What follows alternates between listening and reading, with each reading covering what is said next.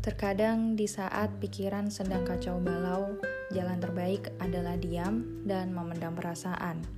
Bingung harus melakukan apa, merasa hanya diri sendiri yang bisa mengerti sehingga kamu pasti pernah bertanya-tanya, Duh, kenapa sih susah banget ngatur stres yang lagi aku rasain?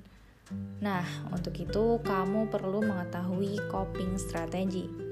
Coping strategi adalah perilaku yang dapat digunakan untuk menghadapi suatu situasi mengancam, termasuk ketika kita kesusahan dalam mengatur stres.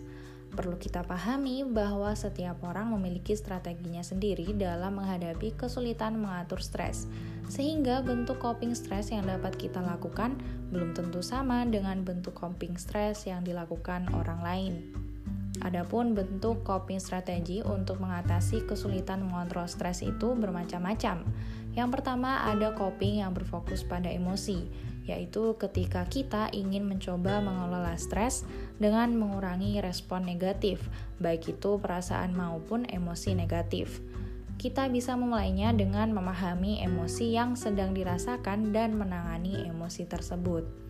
Kemudian yang kedua yaitu coping yang berfokus pada permasalahan yang harus diatasi, di mana kita dapat menekankan alternatif penyelesaian masalah dan memutuskan solusi terbaik untuk mengatasinya.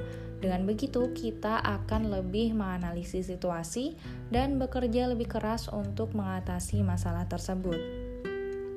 Itulah beberapa bentuk coping stress yang dapat diterapkan ketika kamu mulai kesulitan dalam mengontrol stres yang sedang kamu alami. Gak apa-apa kok kalau kamu masih kesulitan dalam mengontrol stres. Yang penting jangan terlalu larut dalam kondisi hati dan pikiran yang sedang kacau. Semuanya tetap butuh istirahat. Ingat kata Martin Luther King, you don't have to see the whole staircase, just take first step.